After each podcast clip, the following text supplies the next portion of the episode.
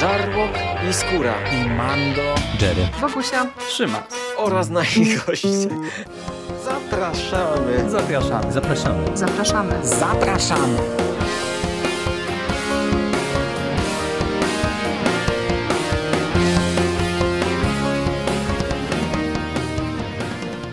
Witamy Was wszystkich bardzo serdecznie w kolejnym odcinku konglomeratu podcastowego. Z tej strony Michał Rakowicz, czyli Jerry. I są ze mną dzisiaj Misty Pop, Michał Ochnik z Mistycyzmu Popkulturowego. Czołem Michale. Witam serdecznie, cześć, cześć. Oraz Rafał Siciński, czyli Sik. Czołem Rafale, czołem Siku. Dzień dobry, dobry wieczór moi szanowni rozmówcy. Dzień dobry i dobry wieczór nasi szanowni słuchacze. Zebraliśmy się dzisiaj w takim y, powiększonym gronie, aby porozmawiać o komiksie. Co chyba, poprawcie mnie, jeżeli się mylę, się jeszcze nie zdarzyło, żebyśmy y, w, we trójkę tutaj o komiksie dyskutowali. Kiedy my ostatnio we trójkę w takiej konfiguracji co, cokolwiek nagrywaliśmy? Pamiętacie? Kontrol chociażby, jeżeli dobrze pamiętam. Kontrol, faktycznie. E, także mhm. tak, e, coś już bywało, ale nie o komiksie, no ale okazja jest nie byle jaka, e, ponieważ Egmont w ramach z jednej strony uzupełnienia dzieł wszelkich Alana Mura, które przez ostatnie lata starają się wydawać, z drugiej strony realizując swoją politykę wznowień, zaserwował nam teraz pod koniec roku wznowienie Ligi Niezwykłych Gentlemanów, czyli jednej z takich e, powiedziałbym jakoś ikonicznych, e, ważnych komiksów, ważnych serii w karierze Alana Mura. No i oczywiście z rysunkami Kevina O'Neilla, o którym też porozmawiamy sobie co nieco więcej. I tradycyjnie zapytałbym Was o twórców, o twórcę, głównie mam na myśli tutaj pewnie Mura, ale jako, że wy nagrywaliście e, o Watchmenach, o serialu i tam z tego co pamiętam właśnie już sporo o Murze też e, mówiliście, o swojej, swoim stosunku do jego twórczości, e, to pierwsze pytanie zadam inaczej, a mianowicie, czy to był wasz premierowy kontakt z Ligą Niezwykłych Gentlemanów, czy na przykład, nie wiem, wracacie do tego komiksu po latach? To ja zacznę. Więc y, ja czytałem, bo to mamy w tym momencie omawiamy trzecie wydanie tego komiksu w Polsce. Mhm. Ja czytałem wielokrotnie pierwsze wydanie. Na pewno pierwszy tom y, kilka razy, drugi tom pewnie mniej, ale to też y, było kilka razy. Także to jest mój powrót rzeczywiście, ale też warto zaznaczyć, że po latach, bo ja przynajmniej od 10 lat nie mam dostępu do tych komiksów i, i bardzo chętnie y, kupiłem sobie y, całą serię po prostu, żeby mieć ten komiks w domu, bo uważam, że jest to rzecz warta posiadania, warto ją mieć w swojej kolekcji, bo jest to bardzo dobry komiks. Nie tylko napisany bardzo dobrze, ale też bardzo dobrze y, zilustrowany. U mnie tak samo. U mnie y, też ja już od dawna znam ten komiks, też czytałem go kilka razy.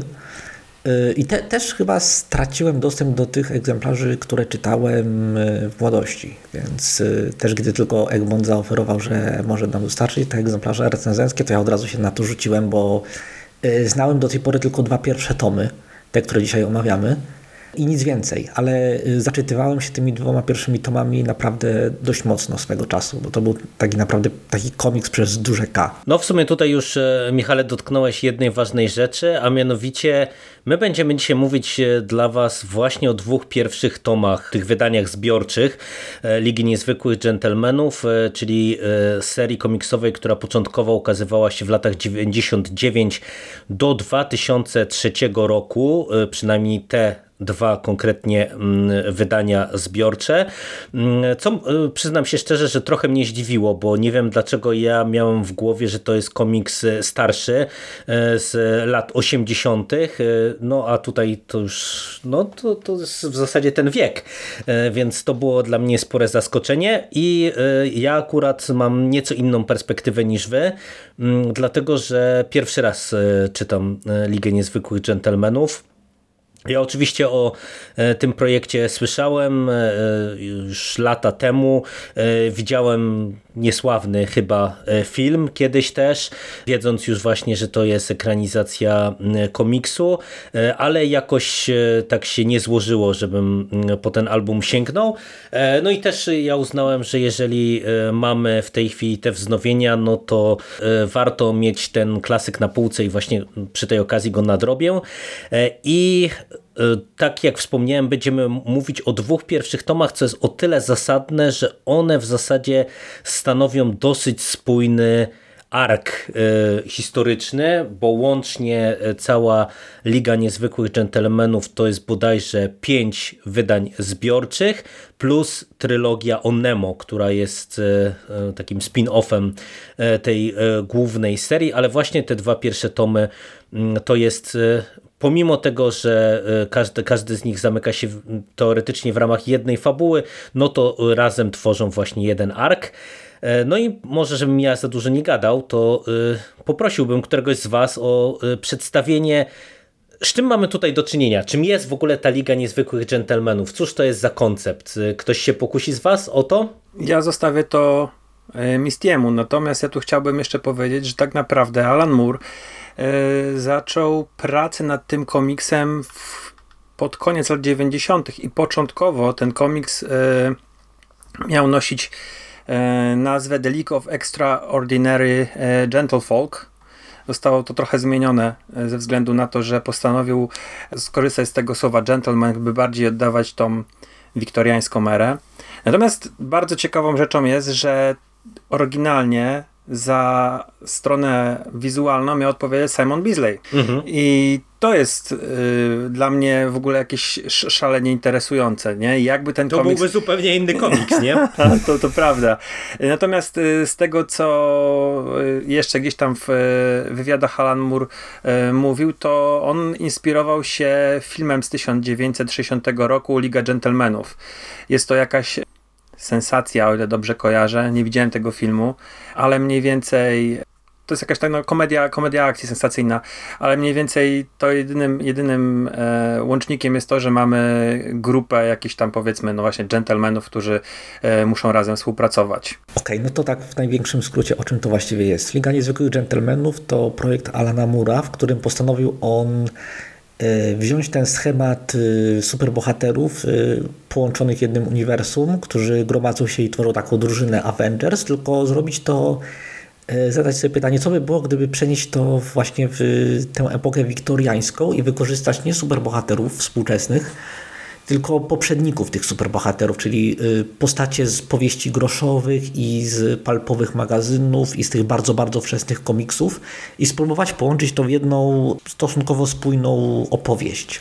I rezultat tych, y, rezultatem tego eksperymentu początkowo były właśnie te, y, te dwa pierwsze tomy Ligi Niezwykłych Dżentelmenów, w których Mur trzymał się tej konwencji mniej lub bardziej wiernie, i kolejne tomy, które są kompletnie, y, znacznie bardziej eksperymentalne, kompletnie takie bardziej odklejone i też mające swój urok, ale już będące czymś na tyle innym, że zdecydowaliśmy, że najpierw omówimy te dwa pierwsze wspólnie. To też chyba było uzasadnione z tego, co ja pamiętam, zmianą wydawcy i w ogóle taką, takimi perturbacjami e, wokół tej serii, e, które gdzieś tam w tle miały miejsce, y, także no to, to pewnie ja tak też to trochę widzę, że mm, te, te, ten skręt taki bardziej ku eksperymentowi to E, pewnie gdzieś tam był motywowany tym i też kto wie, czy nie tym zawodem Mura pogłębiającym się też tymi kwestiami związanymi z ekranizacją, z tym jak się zachowało,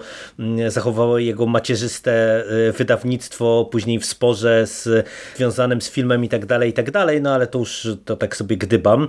I w sumie ty Michał wspomniałeś, że on oparł Mm, całą koncepcję tego komiksu e, na e, tym takim teamapie różnych postaci i warto by było e, od tego też zacząć, no bo mamy tutaj grono postaci, które wydają się na pierwszy rzut oka dosyć mocno niedopasowane, e, bo z jednej strony mamy takie ikoniczne postaci kojarzone z mm, horrorem, jak doktora Jekylla e, czy Niewidzialnego Człowieka. E, mamy ludzi kojarzonych bardziej z tą literaturą przygodową, bo mamy kapitana Nemo, oczywiście z twórczości Verna oraz mamy Alana Quatermaina, a dowódczynią szefową Ligi Niezwykłych Gentlemanów jest Mina Harker. I o ile jej oczywiście jest kojarzona z Drakulą, o tyle ja jej nie wymieniłem tak bezpośrednio z tymi postaciami kojarzonymi z horrorem, no bo ona teoretycznie e, no nie jest postacią e, taką jak właśnie jak Hyde, czy Niewidzialny Człowiek, czyli takim no potworem, a e, co z tym Alan Moore robi, no to, to trochę możemy sobie też Moore o tym porozmawiać. Y, on chyba wspominał kiedyś w którymś wywiadzie, czy w jakiejś wypowiedzi, że umyślnie nie brał tych najbardziej y, popularnych postaci, takich jak Dracula czy Sherlock Holmes, żeby właśnie, y, bo te postacie są obciążone tą już mitologią, tymi wyobrażeniami odbiorców, którzy widzieli 10 tysięcy różnych adaptacji z tymi postaciami. Y, tylko właśnie sięgną po te odrobinę mniej znane, przynajmniej mniej znane dla, Bry dla Brytyjczyków i dla Amerykanów, bo taki kapitan Nemo na przykład mm. w Polsce jest znacznie bardziej znany niż w krajach zachodnich. Naprawdę? Że na przykład Naprawdę. I, y, no, jestem w szoku, bo wydawało mi się, y, jako fan e, trylogii Powrót do przyszłości, to sądziłem, że książki Werna w Stanach są uwielbiane. A to, to zaskakujesz mnie. A, a, wiesz, że nawet w Stanach bardzo długo nie było y, poprawnej, poprawnego tłumaczenia 20 tysięcy mil po, podmorskiej żeglugi. To pierwsze tłumaczenie, które u nich było, to przekładało to na 20 tysięcy chyba kilometrów podmorskiej żeglugi, czy mil, czy znaczy, czyli w każdym razie pokręcili tam mnóstwo rzeczy, nawet nie, nie przekładając y, y, matematyki odpowiednio, tylko zmieniając nazwy. Mhm.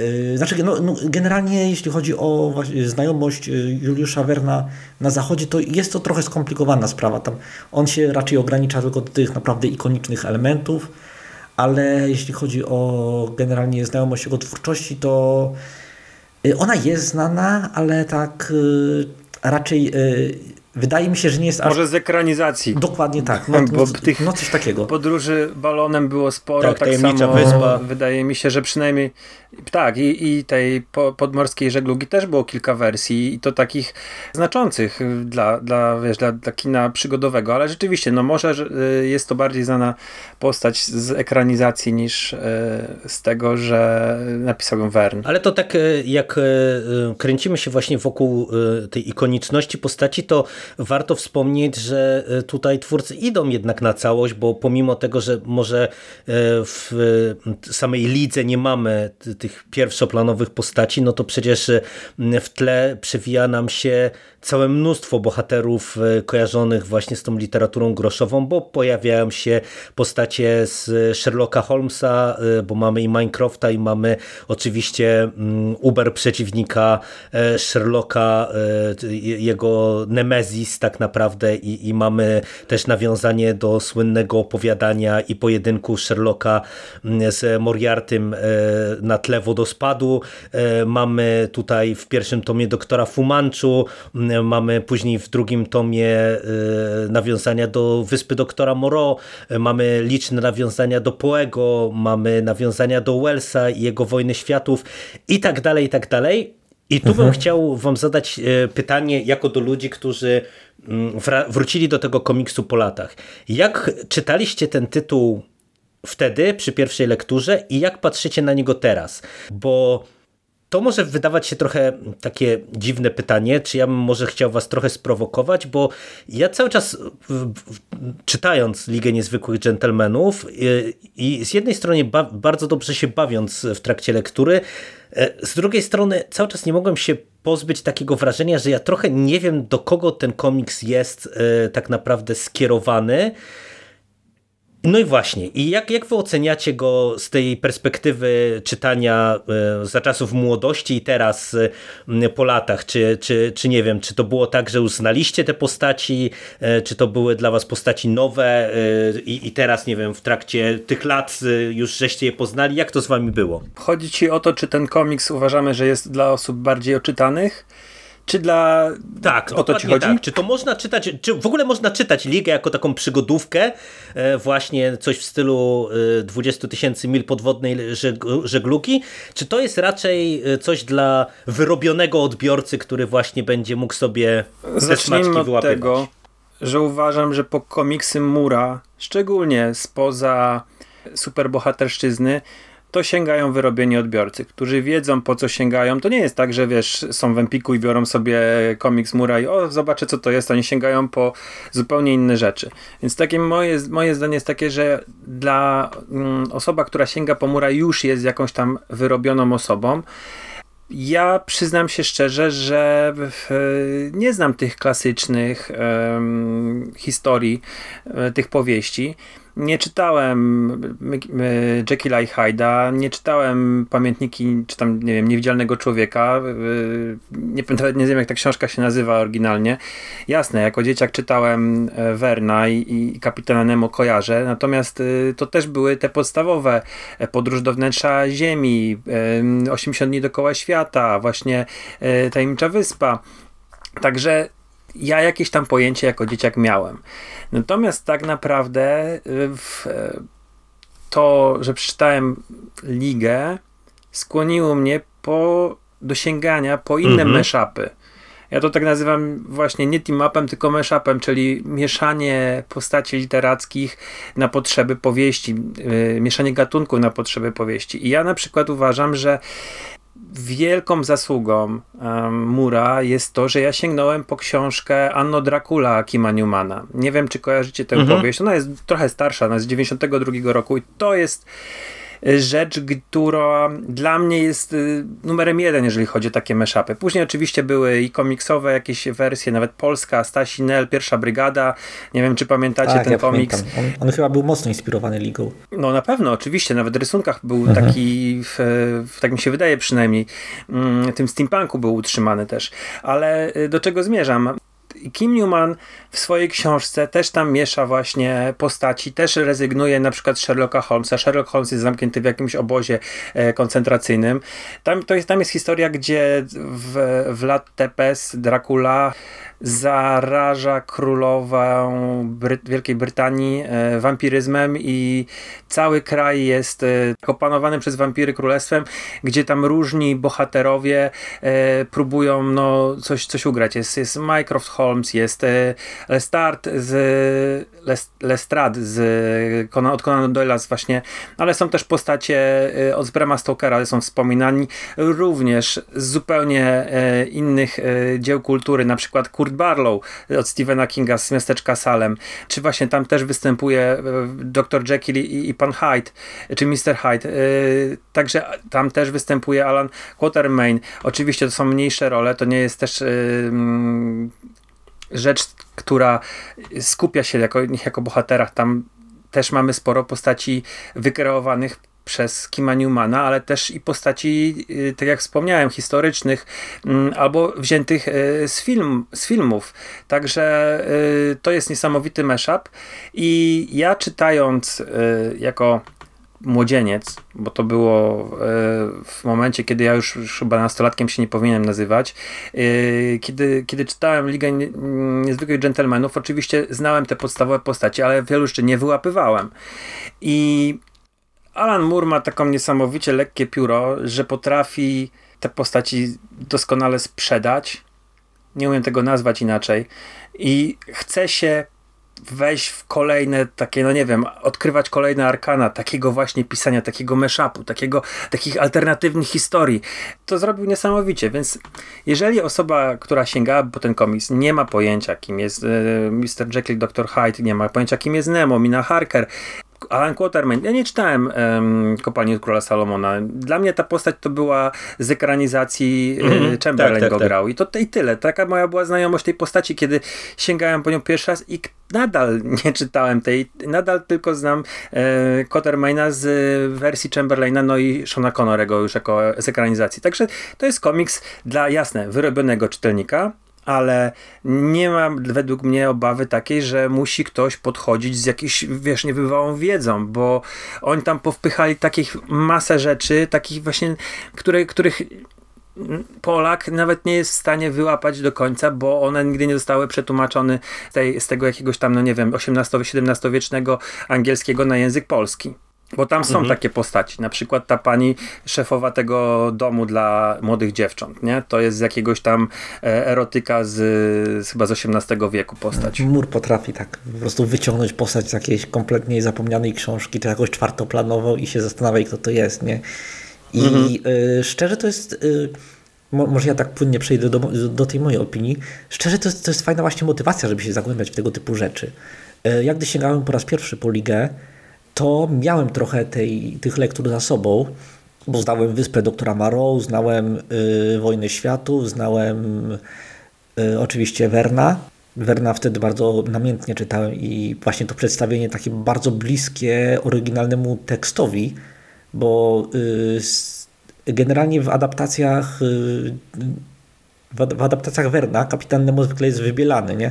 Często grany jest przez mhm. albo Brytyjczyków, albo przez Amerykanów, mhm. albo w ogóle jego etniczność zostaje tak kompletnie y, pominięta, a tutaj właśnie jest Gra pierwsze y, skrzypce opisany, wręcz, Dokład, dokładnie i on jest właśnie opisany tak, jak, tak, dokładnie tak jak u Werna w finale Tajemniczej Wyspy, gdzie dowiadujemy się całej historii jego, y, całej jego historii, nawet Tajemnicza Wyspa jest tu wspomniana, znaczy Wyspa Lincolna, i generalnie właśnie te smaczki mnie przykuły mocno, że y, te rzeczy, które już znałem z y, niektórych książek, które czytałem wcześniej, z tej klasyki, y, Mur właśnie wziął i fajnie zrekontekstualizował i to było naprawdę niesamowicie atrakcyjne dla mnie.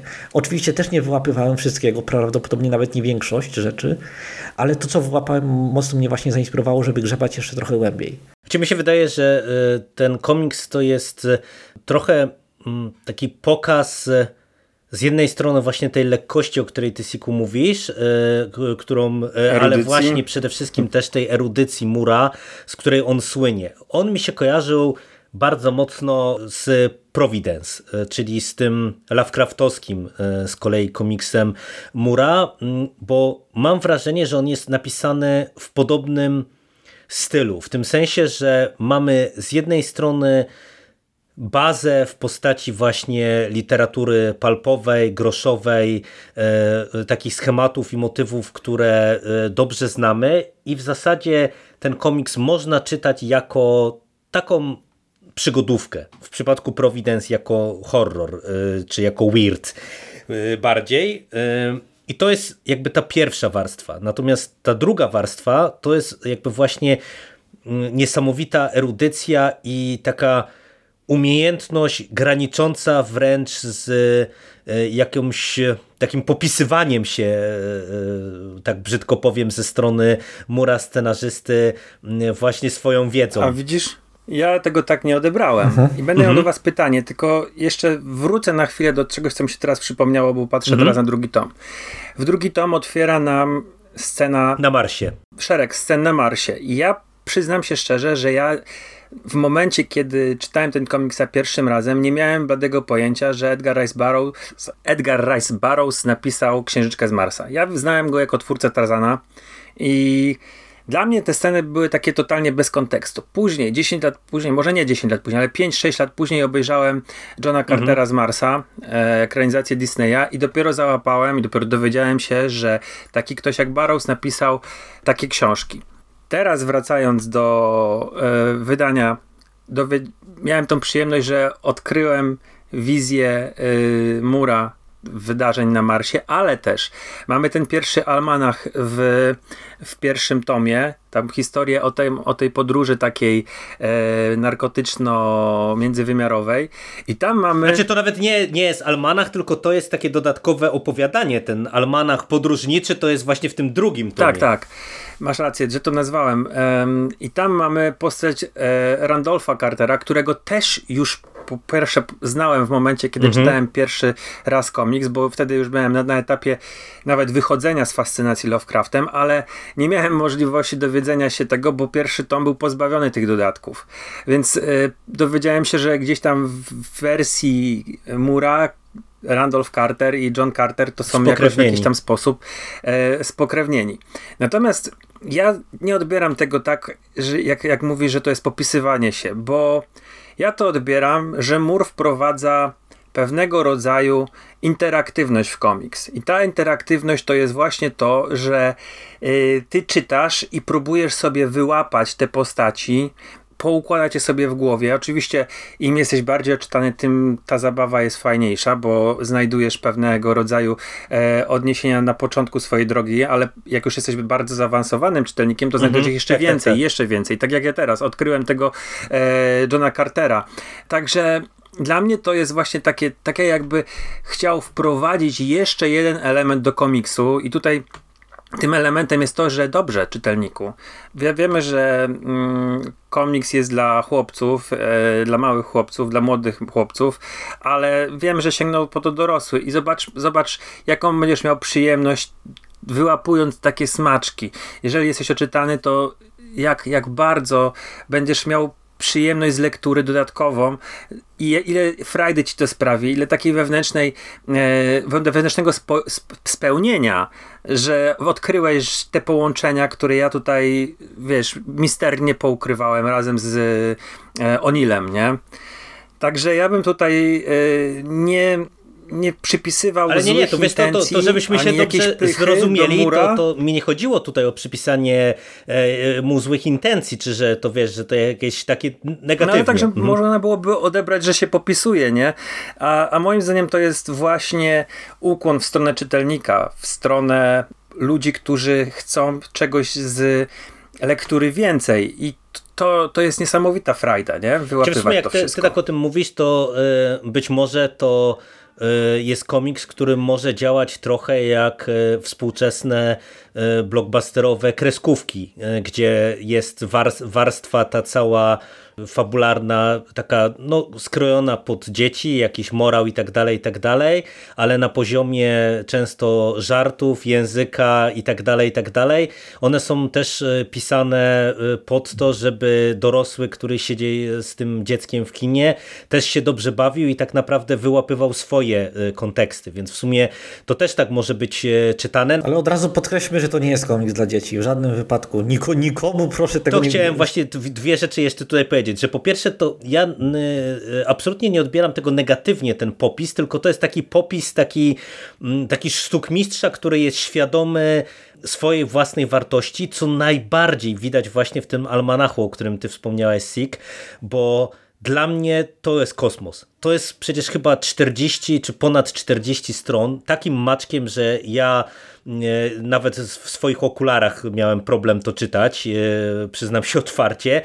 I tam jest tak, że odniesienie do danej książki, do danego opowiadania to często jest jeden akapit, czy pół zdania, czy kilka zdań e, i lecimy do kolejnego i do kolejnego i do kolejnego i to jest 40 stron w formacie y, trzy kolumny na, na stronę, więc y, no, no to myślę, że może dać obraz ile tych odniesień jest i to jest tak, że e, on tutaj e, żongluje klasyką właśnie horroru, e, klasyką literatury jakiejś palpowej, literatury obyczajowej, no w ogóle klasyką powieści. Drama, dramatami Szekspira. Tak, tak. No, czym, czy, no co tylko, nie? To jest po prostu z jednej strony niesamowita rzecz, ale ja wam też się przyznam otwarcie, że przez to, jak to jest podane, to ja tego nie przeczytałem w całości, bo po prostu już na którymś etapie to mózg mi eksplodował. No ja też się poddałem. I po prostu się poddałem, bo właśnie stwierdziłem, że tego jest za No, ja, dużo. ja, ja sobie jeszcze do tego wrócę po tym podcaście, ale tak y, po Tak, no- no tak to Generalnie, powinno być czytane. y, y, Ja się z żadnym z was nie To zgadzam. tutaj jak już się tak, drodzy moi współrozmówcy się przyznajemy, to ja wam powiem, że też tego almanachu całego nie przeczytałem. W grę, w grę sobie prześledziłem i nawet sobie tam palcem pojeździłem po tych polach, bo tutaj drugi tom jest też e, mm, uzupełniony o taką grę planszową. Natomiast no jednak wydaje mi się, że ta lektura wymagałaby ode mnie bardzo dużego skupienia. Przerwałem ci, Mhm. Misty. Tak, ja, ja się z wami, ja, ja myślę, ja mam taką teorię, że po prostu Mur napisał ten komiks dla siebie, dla własnej satysfakcji. On się nie oglądał, czy to będzie dla czytelnika strawne, czy niestrawne. On już miał dosyć pracy z redaktorami tych y, konwencjonalnych wydawnictw. On chciał zrobić coś kompletnie od czapy dla siebie, dla własnej satysfakcji twórczej. I to jest moja teoria. Szczególnie w kolejnych tomach to widać, ale w y, tych dwóch pierwszych według mnie również. Hmm. Natomiast to, to, co w ogóle wspomniałeś, Michał, że to jest komiks absolutnie nie dla dzieci, to jest też w sumie coś, o co chciałem was zapytać, bo ja mam wrażenie, że on na etapie pierwszego tomu jest jeszcze dosyć bezpieczny, bo przecież ten pierwszy hmm. tom to jest taka w miarę klasyczna opowieść o najpierw budowaniu drużyny, a później pojedynku z bossem, że się tak no wyrażę. Zacznijmy od tego, że drużynę składasz z narkomana, terrorysty, mordercy, gwałciciela mhm. i rozwódki. Tak. Jesz, ale jeszcze, jeszcze nie gwałciciela w tym pierwszym tomie. Jeszcze nie, nie no proszę cię, a gdzie, gdzie oni go znaleźli? W jakiej sytuacji? No. Pamię przypominasz i... sobie? Hajda? Nie Hajda, to jest morderca. No. Natomiast ja mówię gwałciciel, to mówię o niewidzialnym człowieku. A, okej, okay, dobra, okej. Okay. No to tak, to może, może, może i macie rację, że już ten pierwszy tom nawet taki tak bezpieczny nie jest. To ten komiks prosimy trzymać na wyższych półkach, żeby dzieci nie, dosięgnę, nie, nie dosięgły. Rzeczywiście jest tutaj też taka scena, która jest dla mnie fenomenalna. Jest po prostu rewelacyjnie narysowana, namalowana przez Onila. To jest scena, gdzie Quatermain i dr Henry Jekyll idą do Fu Manchu. No właściwie nie, idą do chińskiej. Jezu, pamiętam tę scenę, wiem, mordowni. Wiem, tak, tak, tak. Do chińskiej mordowni idą i otwierają się drzwi na zaplecze i widzą jak Fu Manchu jest no, to jest osobą, która torturuje jakiegoś biednego Chińczyka A, myślałem, i widzimy przerażenie e, na twarzy Jekylla który po prostu jest zdruzgotany tym, co widzi, po prostu zaraz widzi, prawdopodobnie będzie się zmieniał w Hajda. No i to tam są takie sceny, wiesz, wydaje mi się, że O'Neill może to tak rzeczywiście bezpiecznie, nie ma aż tylu trupów, nie? Ale są, tak w końcówce tam się rzeczy dzieją, są przebijani mieczami, ludzie mają e, no, rozrywani, także tam, się, tam jest dosyć brutalnie mhm. na końcu. Ale dziecku bym tego komiksu nie dał. Nie, nie, nie. Ja, ja mam bardziej skojarzenia, że ten drugi tom to jest jednak wyższy poziom, bo e, tam mamy dużo więcej brutalności, tam mamy erotykę, której e, tak dużo nie było w tym pierwszym tomie. No, trochę Była tam sugerowana, sugerowana właśnie, ale, ale tutaj, tutaj mamy bardzo bezpośrednią erotykę. Z Halki o trochę opuści z piersi, tam kawałek sutka tak, widać, tak, są to takie tak. też takie, ale... I plus mamy tutaj y, coś, co ja nie wiem, ja to już y, jak czytam Mura, to już stwierdzam, że mógłbym chyba napisać jakąś rozprawkę y, rola gwałtu w komiksach Alana Mura, bo znowu mamy gwałty w tym drugim chyba we tomie. wszystkich jego są. To jest no, no tak, tak. No, i, no i w Killing Joke, nie, w Killing Joke nie było. Nie, ale, ale tam jest powiedzmy przemoc, przemoc taka no. jest. Wiesz, jeżeli, jeżeli rozebranie kobiety krwawiącej i zrobienie jej zdjęć jest przemocą seksualną, no to, to, to tam był no. gwałt. No. Tak, tak. No. Także to, to być może to z tego wynikają właśnie te moje wrażenia, że ten drugi tom to już się pod tym kątem naprawdę puszcza peronu. Ja wam powiem, że chyba bardzo też oddziaływują w drugim tomie, bo mamy inwazję pewnej rasy z Marsa na Ziemię. Tak jak tutaj wspomniał Jerry, mamy um, Wojnę Światów i tam chyba na mnie, dla, dla mnie najmocniejsze, na mnie największe wrażenie robiły te sceny, jak e, trzy trój, tripody, e, tripody czy, czy stołki, obojętnie jak je nazwiemy, mordują ludzi tymi promieniami. Jest to takie na, na rysunkach Onila przejmujące i nieprzyjemne jednocześnie. E, mhm. Nie wiem, czy wy to tak odbieraliście, ale Onil ma, ma, jaką, ma jakąś taką umiejętność, kurczę, robienia z, taki, z tą swoją prostą kreską takich dziwnych e, grymasów twarzy i on bardzo dużo w detalach siedzi i, i te rysunki są przejmujące. Aczkolwiek oszczędzili nam prawdopodobnie najmocniejszej sceny, czyli tego, co się tam dopuszcza Hyde w pewnym momencie, tak, kiedy tak, wraca tak. do muzeum. to tak, tak. chyba tam Konil stwierdził, nie, nie narysuję tego. Ale to słuchajcie. Bisleya poproś, Bisleya poproś. Zanim do rysunków, to e, bo tutaj o, o Nilu musimy sobie też porozmawiać, to jeszcze o jedną rzecz was zahaczę mm, i e, to może ty Michał zacznij, żebyśmy cię tutaj całkowicie nie zagadali. E, jak wy w ogóle oceniacie Ligę Niezwykłych Dżentelmenów na tym poziomie formalnym całego wydania, bo to, ja mam wrażenie, że to też jest ciekawie poprowadzone tutaj przez Mura, bo mamy e, te rozdziały, te, te, takie wprowadzenia do rozdziałów i zakończenia rozdziałów, tak jakby to była powieść w odcinkach. Mamy e, różnorodne i przebogate dodatki w tych e, nowych polskich wydaniach, bo mamy właśnie to dodatkowe opowiadanie na końcu pierwszego tomu, mamy almanach na końcu drugiego tomu, mamy różnego rodzaju gry takie, czy, czy quasi gry, ja bym powiedział, takie jakieś różne zabawy właśnie dla młodych młodych chłopców.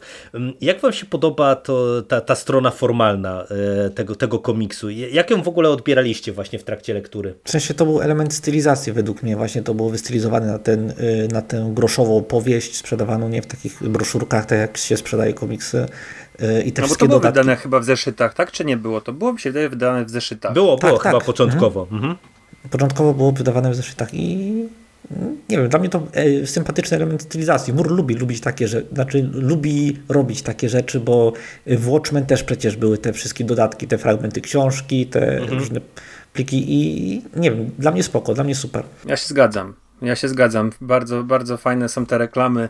Nie, no to jest piękne, jeżeli chodzi o, o, o wydanie polskie, to jeżeli chodzi o jakość dodatków, to, to jest pierwsza liga. To ja, ja wolę takie dodatki, mimo że Dalmanachu nie przeczytałem, to ja wolę takie dodatki niż galerię 50 alternatywnych okładek, które oczywiście cieszą oko, mhm. ale no, tak naprawdę nic nie wnoszą do, do, dla mnie do wartości danej pozycji. Dlatego ja lubiłem na przykład bardzo te kolekcje i nadal zresztą kupuję na wyrywki e, kolekcję DC, gdzie mamy Te kolekcje jeszcze wychodzą? Tak, cały Teraz czas. wychodzi, wychodzi kolekcja e, DC Bohaterowie i Przestępcy. I Złoczyńcy chyba to się nazywa. I Złoczyńcy, i Złoczyńcy, mhm. która ma bardzo, bardzo ciekawy dobór e, komiksów i uważam, że jest świetna. Ja kupuję na wyrywki oczywiście, bo na przykład ostatnio był numer z Legionem Samobójców, którego nie kupiłem, bo, bo nie jestem fanem, ale lubię tam wstępy, jakieś opowieści redaktora na temat postaci, na temat tego, jak ten komiks powstał. Uważam, że to jest bardzo dobre dla czytelnika, nie? że poznaje jakiś kontekst. Także ja jestem zachwycony tymi wydaniami mm. i to jest bardzo duży przeskok. Ja czytałem pozbawione całkowicie. Te pierwsze wydania w e, miękkich oprawach były całkowicie pozbawione, jak zresztą Michał pamiętasz, mhm. e, dodatków. Tam nie było nic. I, I tak te komiksy mi się podobały. Natomiast teraz no to, to jest aż, no. aż miło wziąć do ręki i, i popatrzeć sobie na, na to, co tam widzimy. Dokładnie. No to e, myślę, że możemy przejść e, z czystym sumieniem do e, czegoś, co jest równie ważne jak scenariusz Mura, czyli do rysunków Kevina O'Neilla, który, tak się akurat niefartownie złożyło, zmarł w tym roku i to w zasadzie to się prawie, że zbiegło z tym wznowieniem Egmontu. Dosłownie było tak, że mm, te pierwsze tomy miały premierę i krótko po tym pojawiła się informacja o śmierci O'Neilla. To było dziwne doświadczenie. Tak, tak. Ja czytałem w tamtym momencie właśnie ja ligę też. i to mhm. było naprawdę dziwne doświadczenie. No, że... Czytam ligę, a to kurczę nagle gruchnęła informacja. informacja.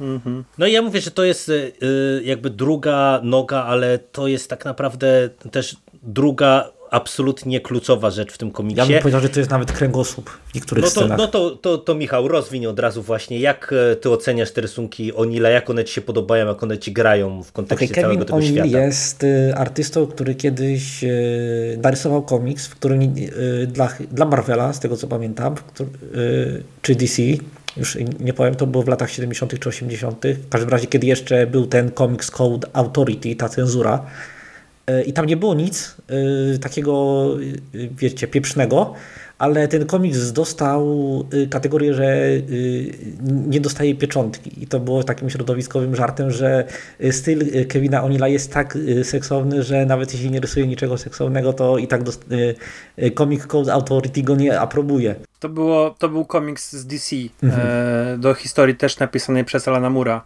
do opowieści o E, korpusie Zielonych Latarni, o ile dobrze kojarzę. Mhm. I, te, i tam, tam, z tego co pamiętam nie było nic y, takiego pieprznego w ogóle. Tam była chyba scena... Pewnie gwałtu, jak to kogoś... mur. Nie, nie, właśnie nie. Tam była scena ukrzyżowania. A, faktycznie, to, to, to mogło spaść. Ale generalnie ten żart środowiskowy istnieje.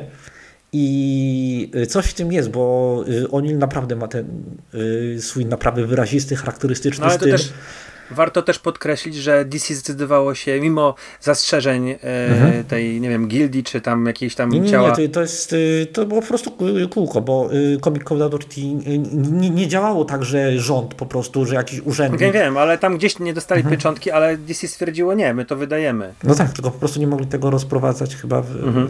tych comic shopach. Dobra, nieważne. W każdym razie O'Neill, O'Neill ma naprawdę ten wyrazisty styl. On powinien być sztywny, ale jakimś cudem nie jest. On jest niesamowicie elastyczny, on jest, jest niesamowicie zróżnicowany, potrafi e, pasować do absolutnie wszystkiego.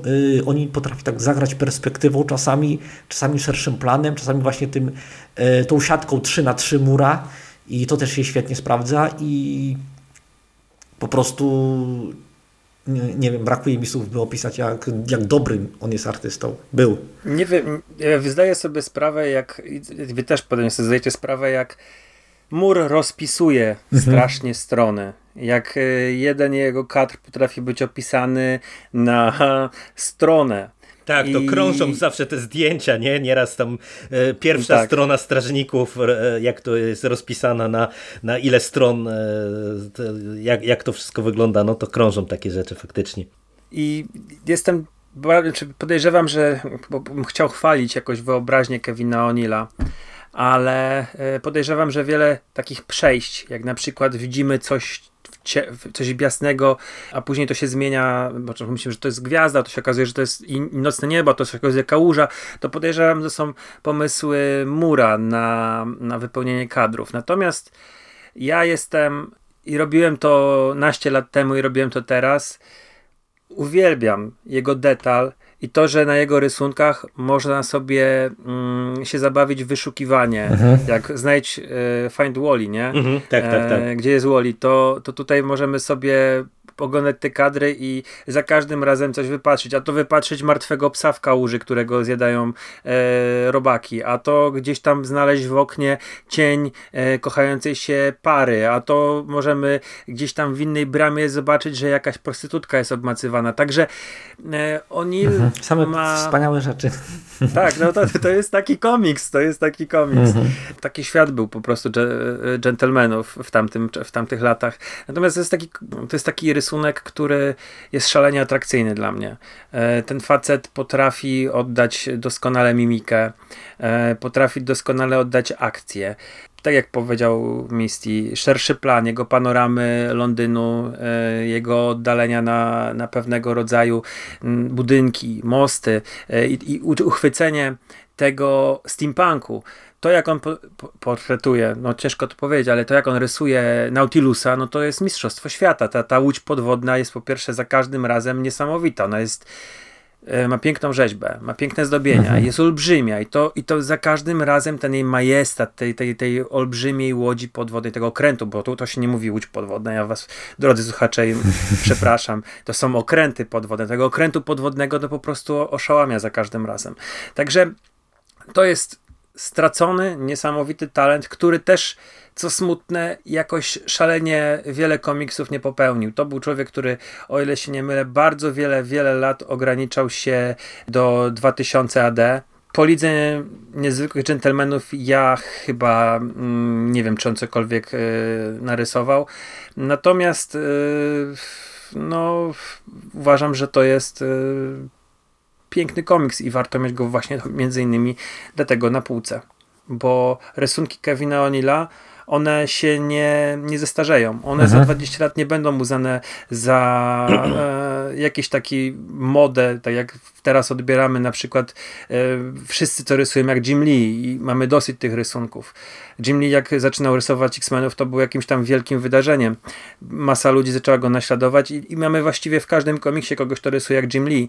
To, to jest taki styl, który będziemy za 20, za 40 lat nadal e, oglądali jego, jego kadry, jego plansze i będziemy cieszyli oczy i będziemy uważali, no ten facet to miał parę w łapie. Znaczy to, tu ja się ze wszystkim zgadzam, co, co wy mówicie i jak jakby doskonałym wizualnie jest ten komiks, to ja wam powiem, że chyba najlepszym przykładem dla mnie jest ten zeszyt otwierający drugi tom e, na Marsie który w zasadzie rozgrywa się bez dymków, bo mamy ten zabieg, że wszystkie dymki są w jakimś dziwnym marsjańskim języku i my nie rozumiemy, co postaci mówią.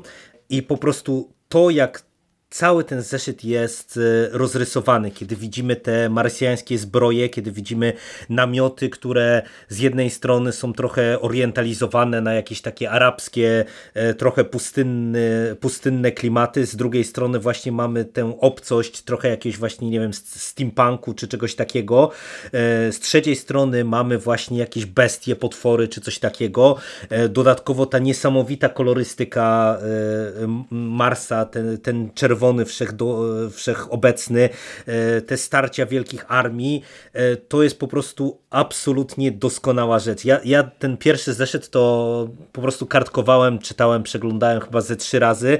E, jak tam na przykład, nie wiem, mamy pierwsze pojawienie się tego tripoda, te, tego trójnoga.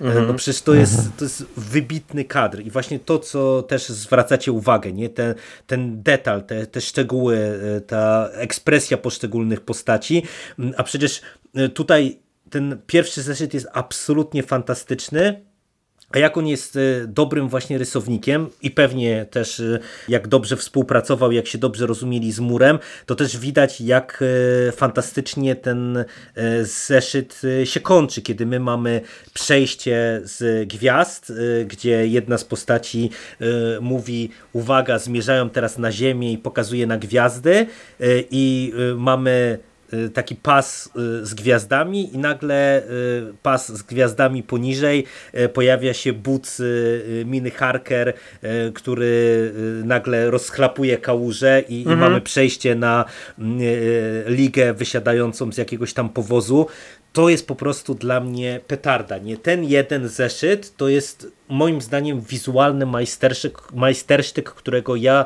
e, w komiksie no, wieki nie widziałem. Naprawdę. To, to jest e, no, sztuka wysoka. I, I to jest właśnie niesamowite, że ten komiks, on w warstwie fabularnej jest w porządku. No to jest bardziej zabawa właśnie dla mnie taka y, trochę Mm, wyszukiwanie tych nawiązań, tych smaczków, e, no bo sama ta intryga to jest coś, co widzieliśmy plus minus wielokrotnie. Może w drugim tomie znów na więcej sobie pozwala e, mur e, z różnymi nawiązaniami, e, które wykorzystuje, ale no po prostu wizualnie, no też w drugim tomie, jak mamy na przykład te zamianę y, tamizy w jakieś takie czerwone, y, nie wiadomo co, y, takie ala żyjące, nie? gdzie mm. tam Nautilus jest uwiężony.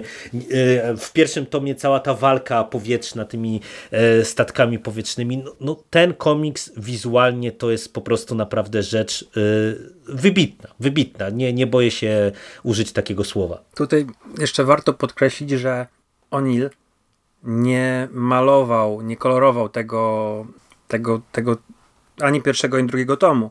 E, za to odpowiadał Benedikt Dimagmaliv.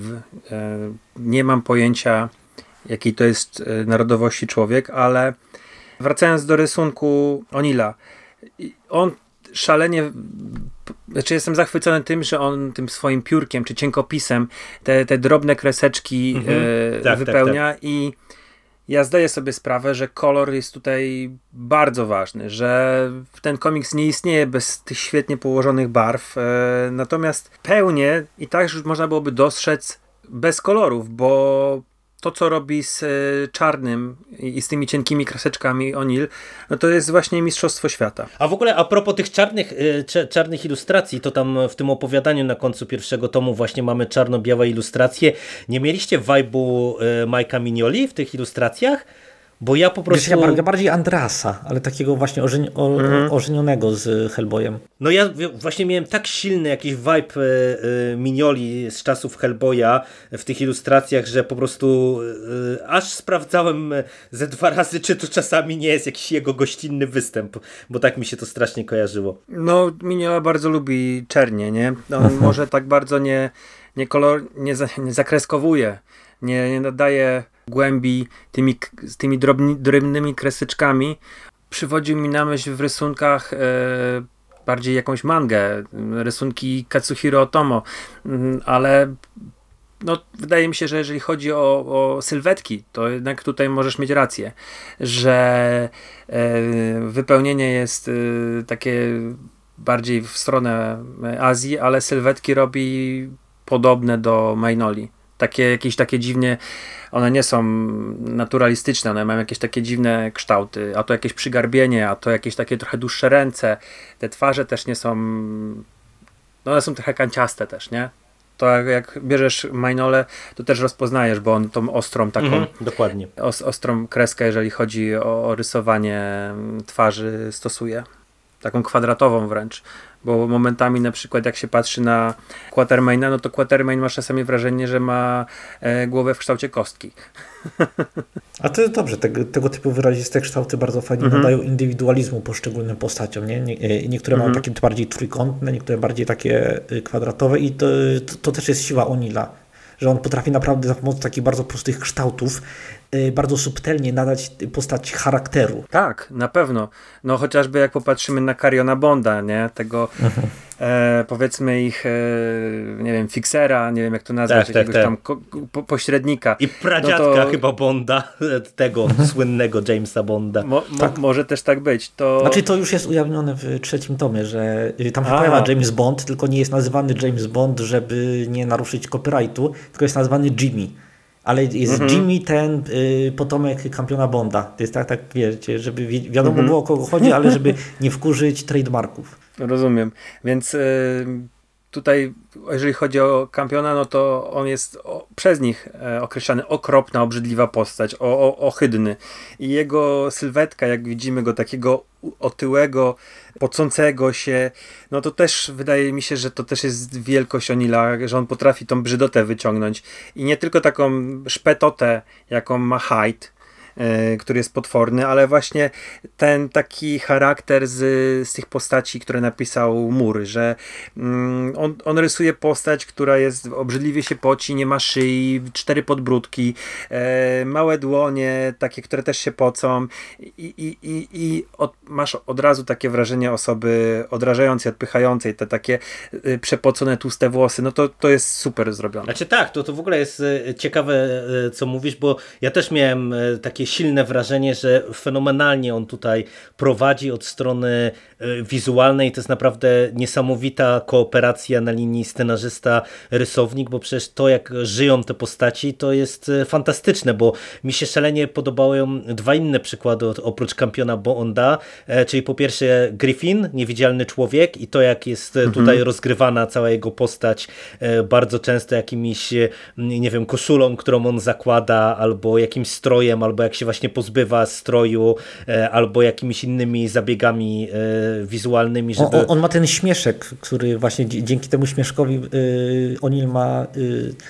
Yy ułatwioną robotę, że yy, znaczy yy, czytelnik ma ułatwioną robotę, jak rozpoznać, kiedy ten niewidzialny człowiek jest, a kiedy go nie ma. Tak, tak, tak. Gdzie a, stoi. A, a, druga postać to jest Mina Harker, która mam wrażenie jest tak fantastycznie rysowana, że po prostu ta charyzma od niej bije, nie? że to jest, mhm. bo, to, bo to jest ciekawe, bo wiecie, jak ja mm, pierwszy raz ją zobaczyłem w komiksie, to się zacząłem łapać, czy tu będzie jakaś tajemnica, nie? No bo przecież no, wszyscy mają tutaj, tak jak ty zresztą Misty powiedziałaś, że to jest taka wariacja na temat superhero, no to wszyscy mają jakieś plus minus y, moce, zdolności, a y, co tu robi ta Mina Harker, nie? Ale właśnie to, jak ona jest portretowana, jak ona jest pisana, to bardzo szybko czytelnik, przynajmniej ja tak miałem, y, wchodzi y, naturalnie w to, że to ona jest tą dowódczynią, tak jak w zasadzie mhm. cała jej ekipa y, idzie po prostu pod, pod jej but i tam w zasadzie niespecjalnie ktoś tam kwestionuje to, że, że to ona tutaj dowodzi, pomimo tego, że gdzieś tam właśnie no pewnie jest to pytanie, nie? Dlaczego ona, co, co ona takiego specjalnego ma, że, że właśnie to, to jej te, ta palma pierwszeństwa tutaj została udzielona. Cool. Zostało nam coś jeszcze do omówienia? No chyba nie. W dodatki chyba możemy już podsumować. Tak, no to wal Misty od razu. Polecamy bardzo. Jest to trochę chaotyczna rzecz momentami, ale mur cały czas ma tę parę w łapie, która sprawia, że to wszystko trzyma się kupy i jest niesamowicie emocjonujące od początku do końca. Siku, ostatnie słowo? Ja już powiedziałem, że to jest komiks, który warto mieć w swojej kolekcji i cieszę się, że ja mogłem to w końcu uzupełnić sobie bo tak jak rozmawialiśmy jakiś czas temu z, z Jerem, że no fajnie by było, gdyby to wznowili, bo ja tylko znajduję w, y, pojedyncze tomy i to właśnie nie było nigdy tego pierwszego i drugiego, tylko tam Burze ym, czy, ym, czy Nemo znajdowałem, natomiast y, cieszę się, to jest i wierzcie mi, nasi drodzy słuchacze, że to jest coś, co po prostu warto mieć na półce, bo do tego się będzie sięgało wielokrotnie. Chociażby, żeby pocieszyć oko pięknymi ilustracjami, albo po to, żeby wrócić któregoś razu i przeczytać ten cholerny Almanach.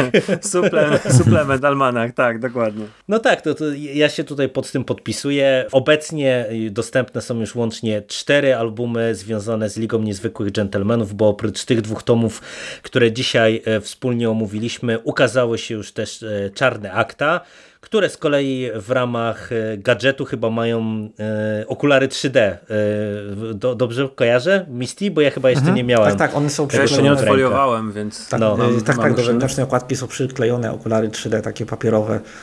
Y, Ja ich jeszcze nie odklejałem, bo ja kiedyś podwędziłem skina y, takie, wiesz, takie plastikowe i y, z, z nich sobie będę korzystał, jak dojdę już do tego momentu. Tak, tak. No to mamy Czarne Akta i jest już e, właśnie cała trylogia Nemo zebrana w jednym wydaniu zbiorczym. E, Czekamy na, na kolejne tomy, no i zobaczymy. Może się uda nam spotkać e, Ale w przyszłości. całość jest dostępna już. Znaczy, bo ten ostatni tom Stulecie, on był cały czas dostępny w sprzedaży Mhm. i jeżeli ktoś chce, to może kupić całe, całą kolekcję, sześć tomów wszystkich. One Mhm. są normalnie dostępne w sklepach, także Tak, tak. Tak jest, może dokładnie. tak jak ja na urodziny sobie zrobić prezent i, i, i kupić. No to Bardzo cóż, warto. panowie, dziękuję wam bardzo za dzisiejszą rozmowę. My również Tobie dziękujemy, znaczy ja Tobie dziękuję, nie, nie wiem jak Sik. Ja wam również dziękuję Tak. bardzo. Trzymajcie się panowie i do usłyszenia w przyszłości. Cześć. Do usłyszenia, cześć, cześć. Cześć.